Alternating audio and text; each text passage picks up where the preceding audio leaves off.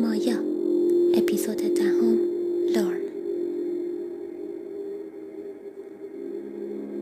چطوری دوست من که تا دهمین اپیزود مایا رسیدی اهمیت نمیدم به اینکه تا الان چه جوری به هم گوش دادی از مایا یه پادکست اجتماعی توی ذهنت شکل دادی که فقط به مرحله ریلیز میرسه یا هر بار که گوش میدی یادت میاد دارم راجع به چی به ها حرف میزنم اینکه یادت میاد مایا یعنی فریب و وهم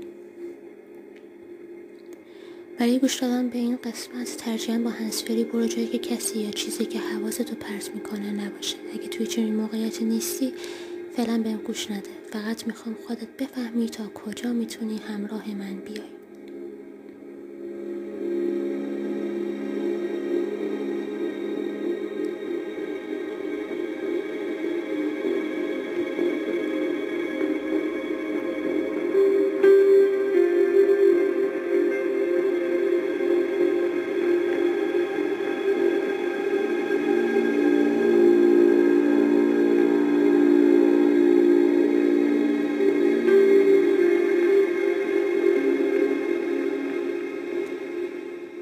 هنوز داری بهم گوش میدی یعنی توی موقعیت مناسبی بخواب منظورم اینه که توی حالت ریلکس و آروم قرار بگیر. نمیخوام یوگا کار کنم یا همچین چیزی.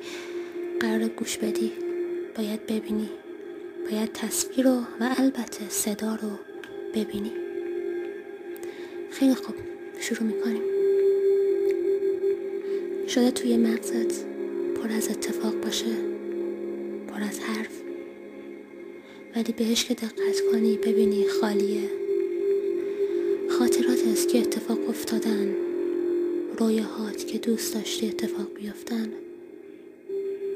حرفایی که زدی حرفایی که نباید میزدی حرفایی که ای کاش گفته بودیشون جاهایی که بهتر بود نری یا تصمیماتی که اگه بگیریشون بعدش پشیمون میشی اگه نمیگرفتی هم پشیمون میشدی به چیزایی که باید فکر میکردی یا فکرایی که نباید میکردی ولی حالا با وجود همه اینا و احتمالا چیزای خیلی بیشتری که توی عمق ناخداگاهت دارن رژه میرن ازت میخوام به اندازه یکی دو جمله که قطعا من به عنوان یه فرد خارج از تو حوصله شنیدن بیشتر از دو جمله رو ازت ندارم فقط به همون اندازه میخوام مثالی از درد و رنجت برام بیاری یا حتی از احساست نسبت بهش بگی بگی چته چی میخوای؟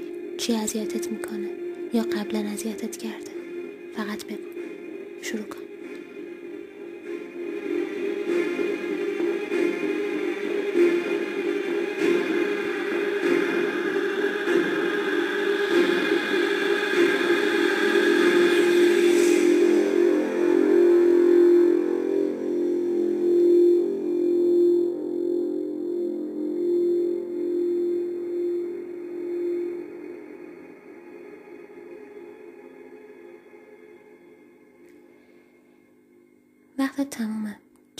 درست بگی اگه نتونستی چیزی بگی یعنی میتونی به ادامه یه پادکست گوش بدی و اما توی که کلی حرف اومد توی ذهنت که فکر میکنی خیلی درد داری میخوای هر طور شده برام توضیح بدی که چقدر زندگی دردناکه و ناراحتی و افسرده شدی و کم آوردی همینجا میخوام باهات خدافزی کنم برگردیم سر داستان خودمون برای تو که نتونستی به چیز خاصی حتی فکر کنی یا اینکه نتونستی چیزی بگی فقط ازت میخوام به یه موسیقی گوش بدی. سالها پیش که شنیدمش افتاد یه گوشه از لپتاپم تا چند ماه پیش که دوباره برم سراغ این دوست خوبمون.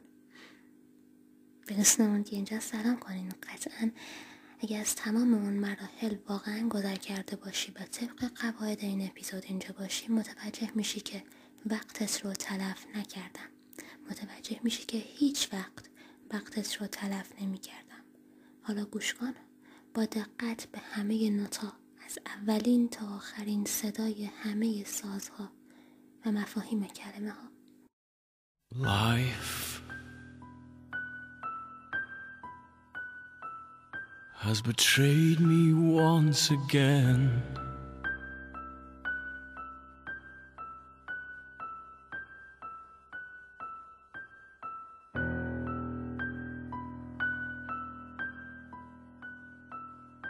I accept some things will never change.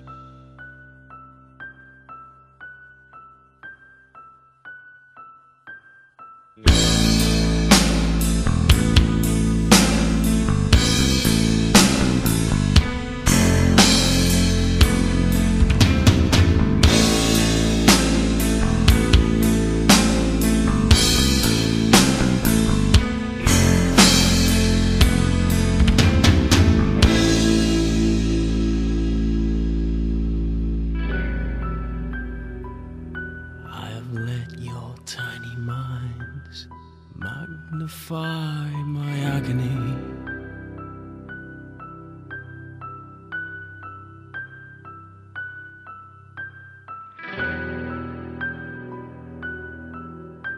And it's left me with a chemical dependency For sanity, sanity.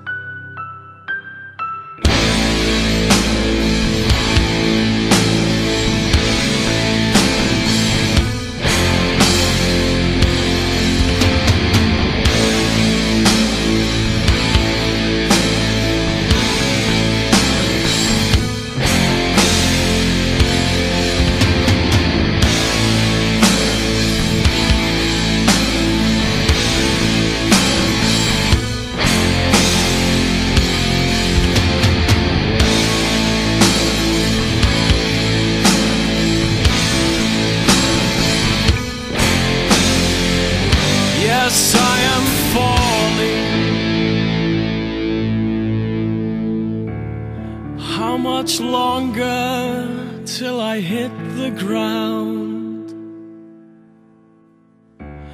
I can't tell you why I'm breaking down.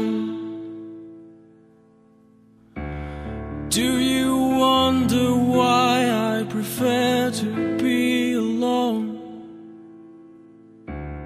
Have I really lost control?